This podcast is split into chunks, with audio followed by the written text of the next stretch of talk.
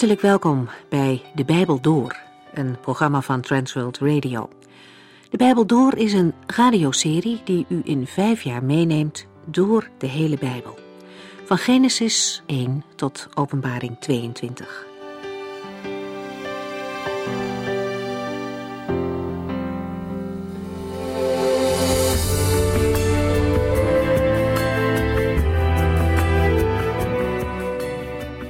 Fijn dat u er weer bent. In de voorgaande uitzending hebben we over de eerste hoofdstukken van Deuteronomium nagedacht. Mozes herinnert de Israëlieten aan de tijd die achter hen ligt, de tijd in de woestijn. Veertig jaar hebben ze doorgebracht daar in die woestijn. Ze hadden al jarenlang kunnen genieten van het leven in het beloofde land. Daar hadden ze al kunnen wonen en hun land bewerken. Maar vanwege hun ongeloof stuurde de Heer hen terug naar de woestijn. Jozua en Caleb waren uitzonderingen. Zij waren meegeweest om het land te verkennen. In plaats van de menselijke onmogelijkheden zagen zij Gods mogelijkheden. Maar helaas, het volk luisterde niet. En zo moesten ze nog jarenlang in die woestijn verblijven. Toch zijn ze in die veertig jaar niet verlaten geweest door God. In hoofdstuk 2 zegt Mozes: De Heere heeft u gezegend en beschermd hij hielp u. In al die tijd bent u niets tekort gekomen. En nu zijn ze dan eindelijk aan het einde van hun omzwervingen gekomen. Mozes zal niet meegaan in het beloofde land. Jozua zou zijn plaats innemen en het volk leiden. Jozua heeft laten zien dat hij een man is die op God vertrouwt. En de Heere heeft het opgemerkt. En dan zegt de Heere tegen Mozes dat hij Jozua moet bemoedigen. Want zijn nieuwe taak zal niet zo makkelijk zijn. En de Heere wil dat Jozua weet dat hij bij hem is. Jozua kan sterk zijn in de kracht van de Heere. Hij zal zelf aan het werk moeten. Maar het is uiteindelijk de Heere die voor zijn volk zal strijden. En met die belofte kan Jozua op pad gaan. We gaan vandaag verder met Deuteronomium 4.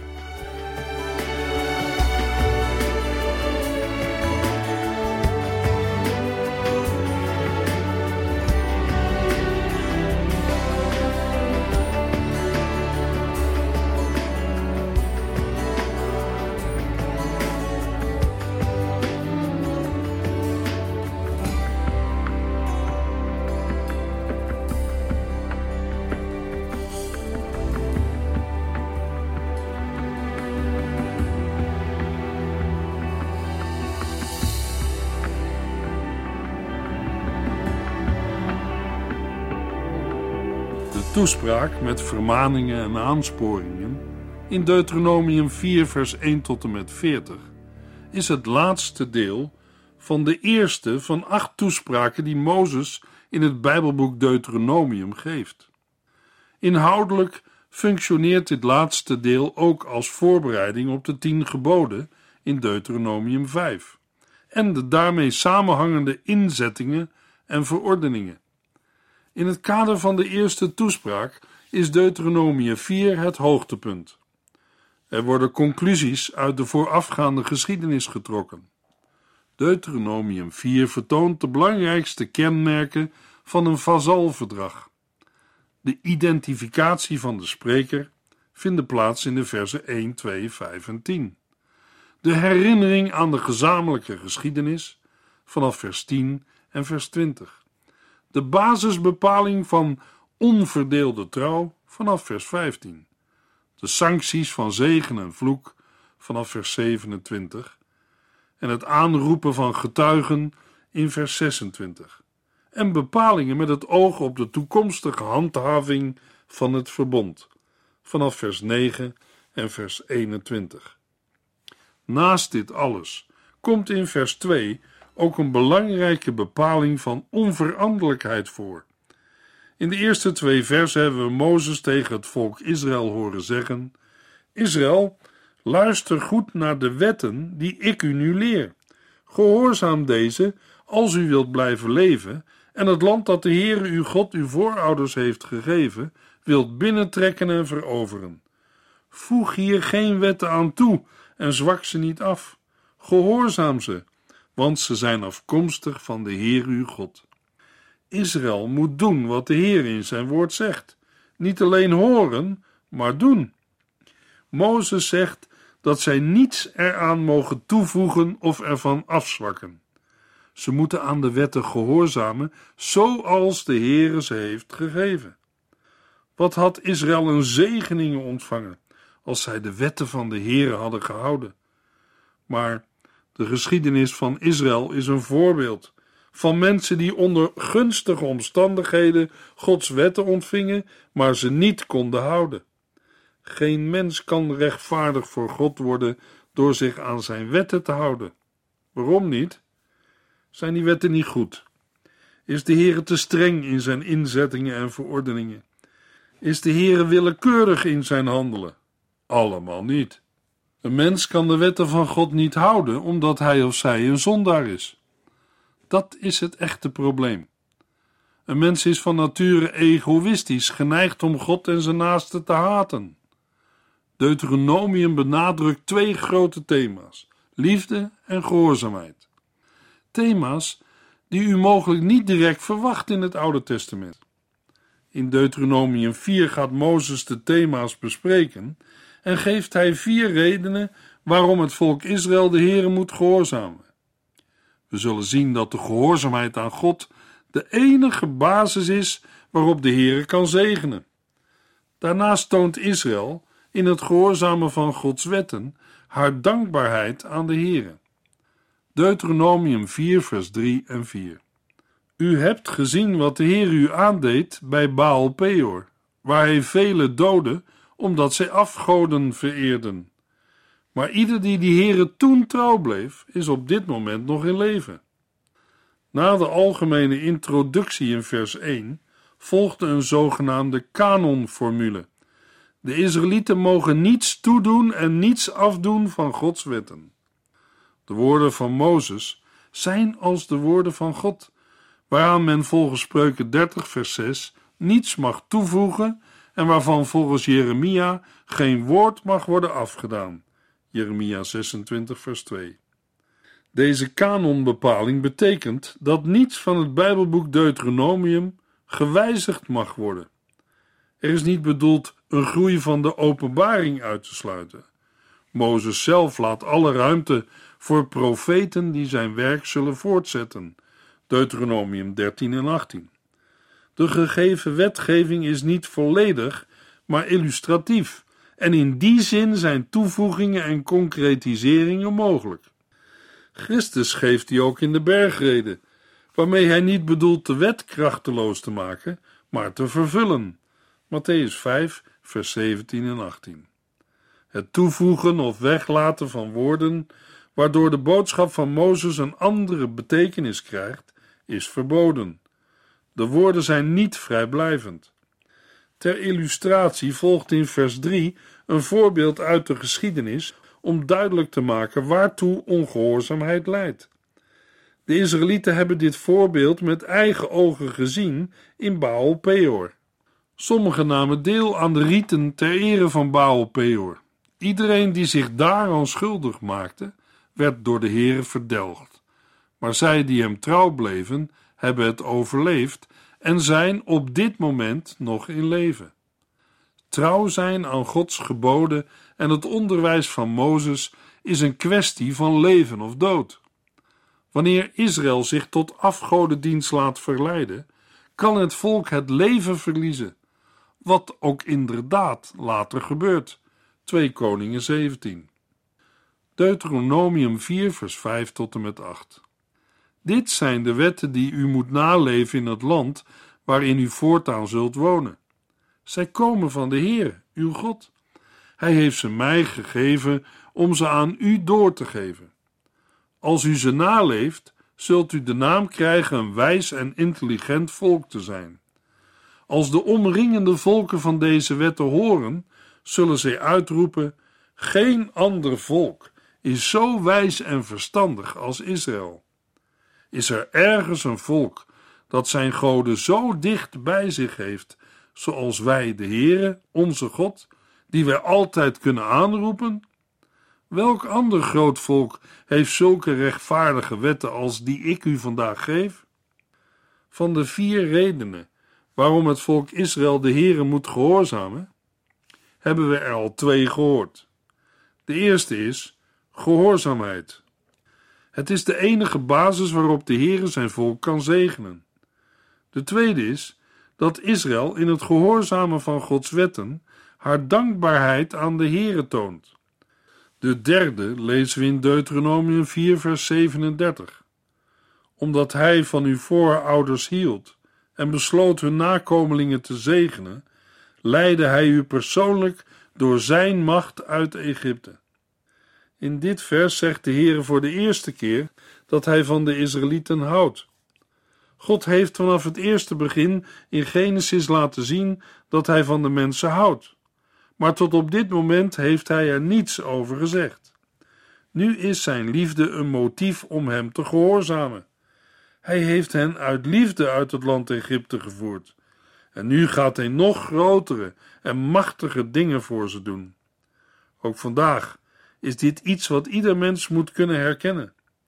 Luisteraar, ik weet niet hoe u er aan toe bent, maar de Heere houdt van u. Misschien ervaart u niet altijd de liefde van God, maar dat wil niet zeggen dat de Heere niet van u houdt. Onze zonden hebben scheiding gemaakt tussen de Heere en ons mensen. Jesaja 59 vers 1 en 2. Luister, de Heer is niet te zwak om te redden. Hij is ook niet plotseling doof geworden. Hij hoort u wel als u roept. Het probleem is echter dat uw zonden u gescheiden houden van God. Vanwege de zonde heeft hij zijn gezicht van u afgekeerd en wil hij niet meer luisteren. Maar ondanks onze zonden houdt de Heere toch van u en mij. Hij heeft die liefde laten zien aan het kruis, waar Christus zich opofferde voor onze zonden. Wanneer wij de Heer Jezus Christus als onze heiland en redder aanvaarden, ondervinden we de liefde van God. De vierde reden waarom Israël de Heere moet gehoorzamen is het feit dat zij Gods volk zijn. Deuteronomium 14 vers 1 en 2 bevestigt dit met de woorden: Omdat u het volk van God bent, mag u zich niet snijden als teken van rouw en ook het haar op uw voorhoofd niet afscheren.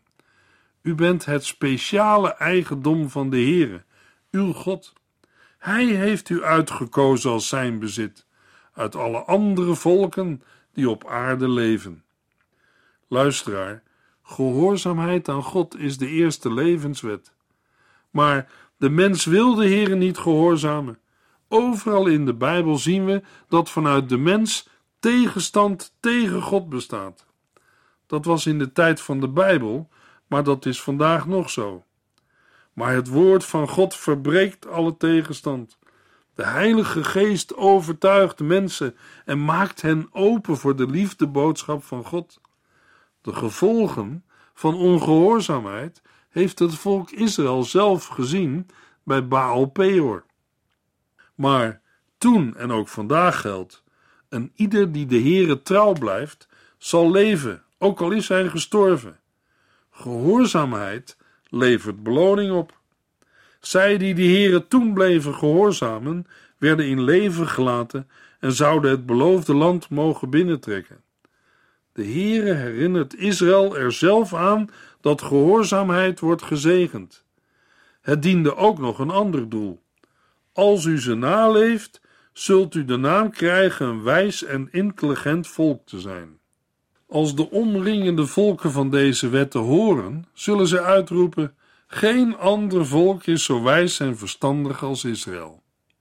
Israël moet getuige zijn voor de hele wereld. Op een andere manier dan waarop de wereld getuigt. Israël moest getuigen door het naleven van de wetten van God. En wij? In Marcus 16, vers 15 zegt Jezus: Trek de wereld in en vertel aan de hele schepping het goede nieuws over mij. Die opdracht wordt aan iedere gelovige gegeven. Iedere gelovige in Christus zou Gods woord de wereld in moeten brengen. Aan het volk Israël werd niet gevraagd om zending te gaan bedrijven. Zij kregen de uitnodiging, Psalm 122, vers 1. Wat was ik blij toen men mij voorstelde samen naar het huis van de Heere te gaan. Hun gehoorzaamheid, hun geloof in de Heere, zou andere volken de inzettingen en verordeningen hebben doen horen en zien. Zij zouden dan ontdekken dat de zegen van de Heere, de God van Israël, hen tot een groot volk heeft gemaakt. Maar wat deden zij? Ze waren ongehoorzaam en keerden zich af van de Heere, en daarom moest God hen veroordelen. Daarom horen we Mozes met nadruk zeggen, Deuteronomium 4, vers 9 en 10, Zorg ervoor dat u nooit vergeet wat God voor u heeft gedaan en waarvan u getuige was. Laten zijn wonderen een diepe en blijvende invloed op uw leven hebben. Vertel uw kinderen en kleinkinderen over de machtige wonderen die hij deed. Vertel hen vooral over die dag dat u bij de berg Horeb voor de ogen van de Heere stond en hij tegen u zei: Roep het volk voor mij bijeen en ik zal de Israëlieten onderwijzen, zodat zij leren altijd ontzag voor mij te hebben en mijn wetten aan hun kinderen zullen leren. Het uitvoeren van Gods opdracht begon voor Israël met het doorvertellen en voorleven van Gods inzettingen en verordeningen aan kinderen en kleinkinderen. Daarin moesten zij de Heere gehoorzamen. In wezen is deze opdracht van de Heere vandaag niet anders. Ook christenen zijn geroepen om het woord van God voor te leven en hun kinderen mee te geven. De grootste nalatigheid is vaak het nalaten van goed geestelijk onderwijs. Vertel uw kinderen en kleinkinderen over de machtige wonderen die hij deed. Onze grootste problemen zijn niet de economische crisis, het instorten van de financiële markt of de politieke toestand in de wereld. De problemen liggen dichterbij, bij ons, vaders en moeders, in allerlei gebroken situaties en ellende.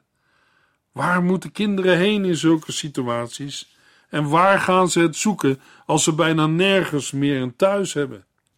Ook vandaag zijn er heel wat verloren zonen en dochters die bij de varkens zitten of in een donkere wereld zwerven en niet weten waar ze het moeten zoeken.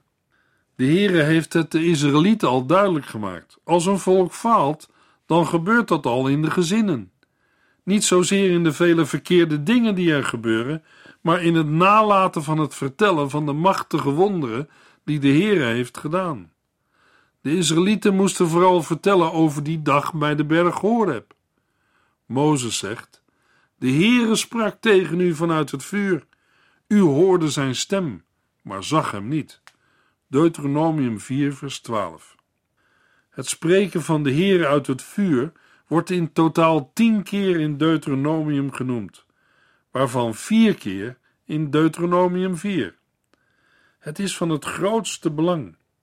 De Israëlieten hebben alleen zijn stem gehoord, maar geen gestalte gezien. In het vervolg wordt daaruit de consequentie getrokken dat de Israëlieten geen beeld van de Heere mogen maken vers 15 tot en met 19. Tijdens zijn spreken op de berg Horeb maakte de Heere het verbond bekend en gaf daarna de twee stenen platen met de tien geboden, vers 13. De tien geboden werden uitgebreid met inzettingen en verordeningen. Er is verschil tussen de grondregels, de basisbepalingen, en de uitwerking ervan. Het leren is gericht op het naleven van die regels in het beloofde land. In het Nieuwe Testament geeft Paulus aan wat de rijkdom is van het nieuwe boven het oude verbond. 2 Korintiërs 3. En in Hebreeën 12 staat dat de christenen niet genaderd zijn tot een tastbaar en brandend vuur, maar tot de berg Sion, tot de stad van de levende God, het hemelse Jeruzalem. Het is belangrijk hem die spreekt niet af te wijzen. Hebreeën 12, vers 18 en volgende. Deuteronomium 4, vers 24 tot en met 27. De Heer is een verterend vuur, een jaloers God. Wanneer later uw kinderen en kleinkinderen zijn geboren, en u al een lange tijd in het land woont, en u zichzelf verontreinigt door afgodsbeelden te maken en tegen hem te zondigen, zal de Heere erg toornig worden. Daarom roep ik nu de hemel en de aarde als getuige aan dat u dan in het land zult worden vernietigd. Uw dagen daar zullen dan slechts kort zijn. U zult totaal worden vernietigd. De Heere zal u onder de andere volken verspreiden, en uw aantal zal nog slechts klein zijn. Het volk Israël is nog steeds ongehoorzaam aan de Heere en zijn woord. De Heere heeft gedaan wat hij van tevoren had voorzegd, onder andere hier in Deuteronomium 4. De Heere zal u onder de andere volken verspreiden. Waarom? Omdat zij niet deden wat de Heere had bevolen. Iemand zal zeggen: ze zijn teruggekeerd naar hun land. Ze hebben een land en zijn een natie. Ja, dat is waar. Maar dat komt omdat de Heere bezig is zijn belofte te vervullen. Israël zelf heeft nog genoeg moeilijkheden. De meesten in Israël hebben de door God gezonden Messias ook nog niet herkend en erkend. De Heer is met zijn volk bezig en zal al zijn beloften aangaande Israël vervullen. Daar kunt u zeker van zijn. De les die wij uit de geschiedenis van Israël moeten leren, is dat Gods oordeel komt over ieder land en volk dat hem verwerpt. 1 Corinthians 10, vers 11. Dat is allemaal met hen gebeurd, om een voorbeeld te stellen. Het is opgeschreven als een waarschuwing voor ons, die in het einde van de tijd leven. En waar zal het voor Israël allemaal op uitlopen? Als de bittere dagen over u komen, zult u uiteindelijk terugkeren naar de Heere, uw God, en luisteren naar wat Hij zegt. Deuteronomium 4, vers 30. Bittere dagen zijn er over het Joodse volk al heel wat geweest. Het woord van God leert ons dat er nog meer zullen komen. Een verdrukking die zo groot is dat de Heere de tijd van de verdrukking moet inkorten. Dan zal de tijd komen uit Zacharia 8, vers 23.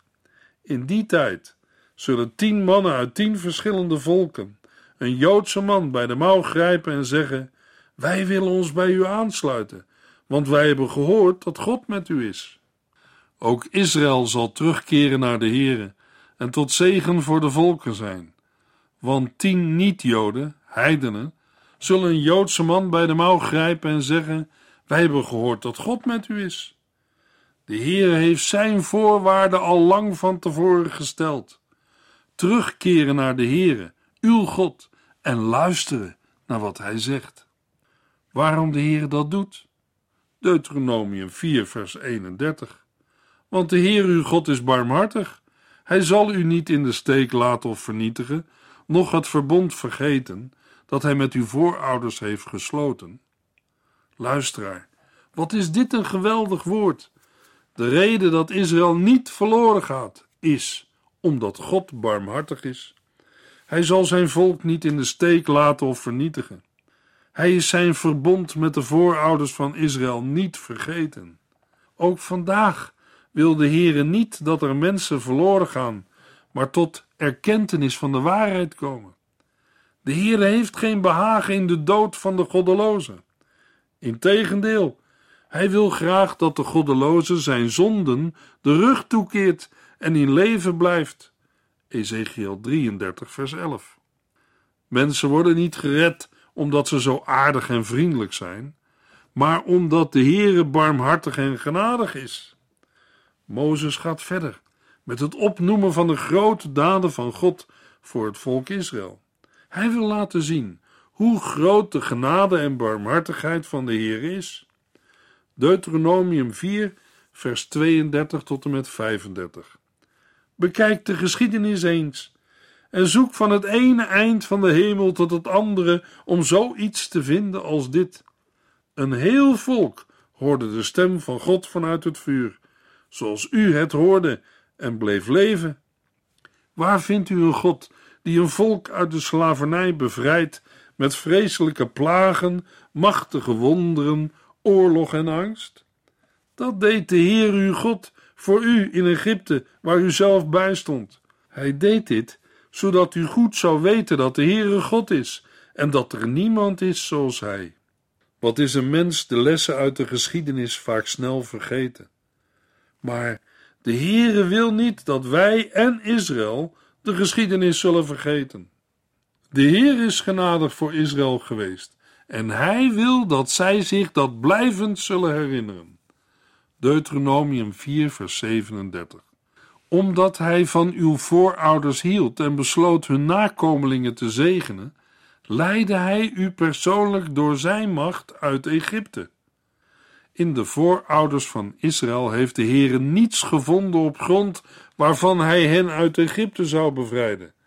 De grond vond de Heer in zichzelf, in zijn liefde, omdat hij van uw voorouders hield. En wat kostte dat? Een offer voor de zonde. In zijn liefde zond de Heere zijn Zoon, Jezus Christus, om voor ons mensen te sterven. Christus hield zoveel van Joden en niet-Joden dat hij zich heeft gegeven en de vrijspraak heeft verworven. Zo lief had God deze wereld. Johannes 3, vers 16. Deuteronomium 4, vers 44. Hieronder volgen de wetten die Mozes aan de Israëlieten gaf toen zij Egypte verlieten. Het woord wetten heeft betrekking op de tweede toespraak van Mozes. Het hele samenstel van grondregels, vermaningen, inzettingen en verordeningen in Deuteronomium 5 tot en met 26, de kern van Deuteronomium. Mozes legt deze wet aan de Israëlieten voor. Als toelichting volgen de bepalingen, de inzettingen en de verordeningen. Vers 45. Dan volgt een uitgebreide plaatsbeschrijving waar de grote redenvoering van Mozes gehouden wordt. Deze vindt plaats in het overjordaanse, in het dal tegenover Bet Peor, in het inmiddels veroverde land van koning Sigon, vers 46. Ook hebben zij dat overjordaanse, het land van Och, de koning van Bazan, in bezit genomen. De beschrijving van het gebied is zo uitvoerig omdat het een samenvatting is van de in Deuteronomie 2 vers 26 tot en met 3 vers 17 vertelde gebeurtenissen. In de volgende uitzending lezen we Deuteronomium 5, de tweede toespraak van Mozes aan de Israëlieten. Een nadere uitwerking van Deuteronomium 4 vers 44.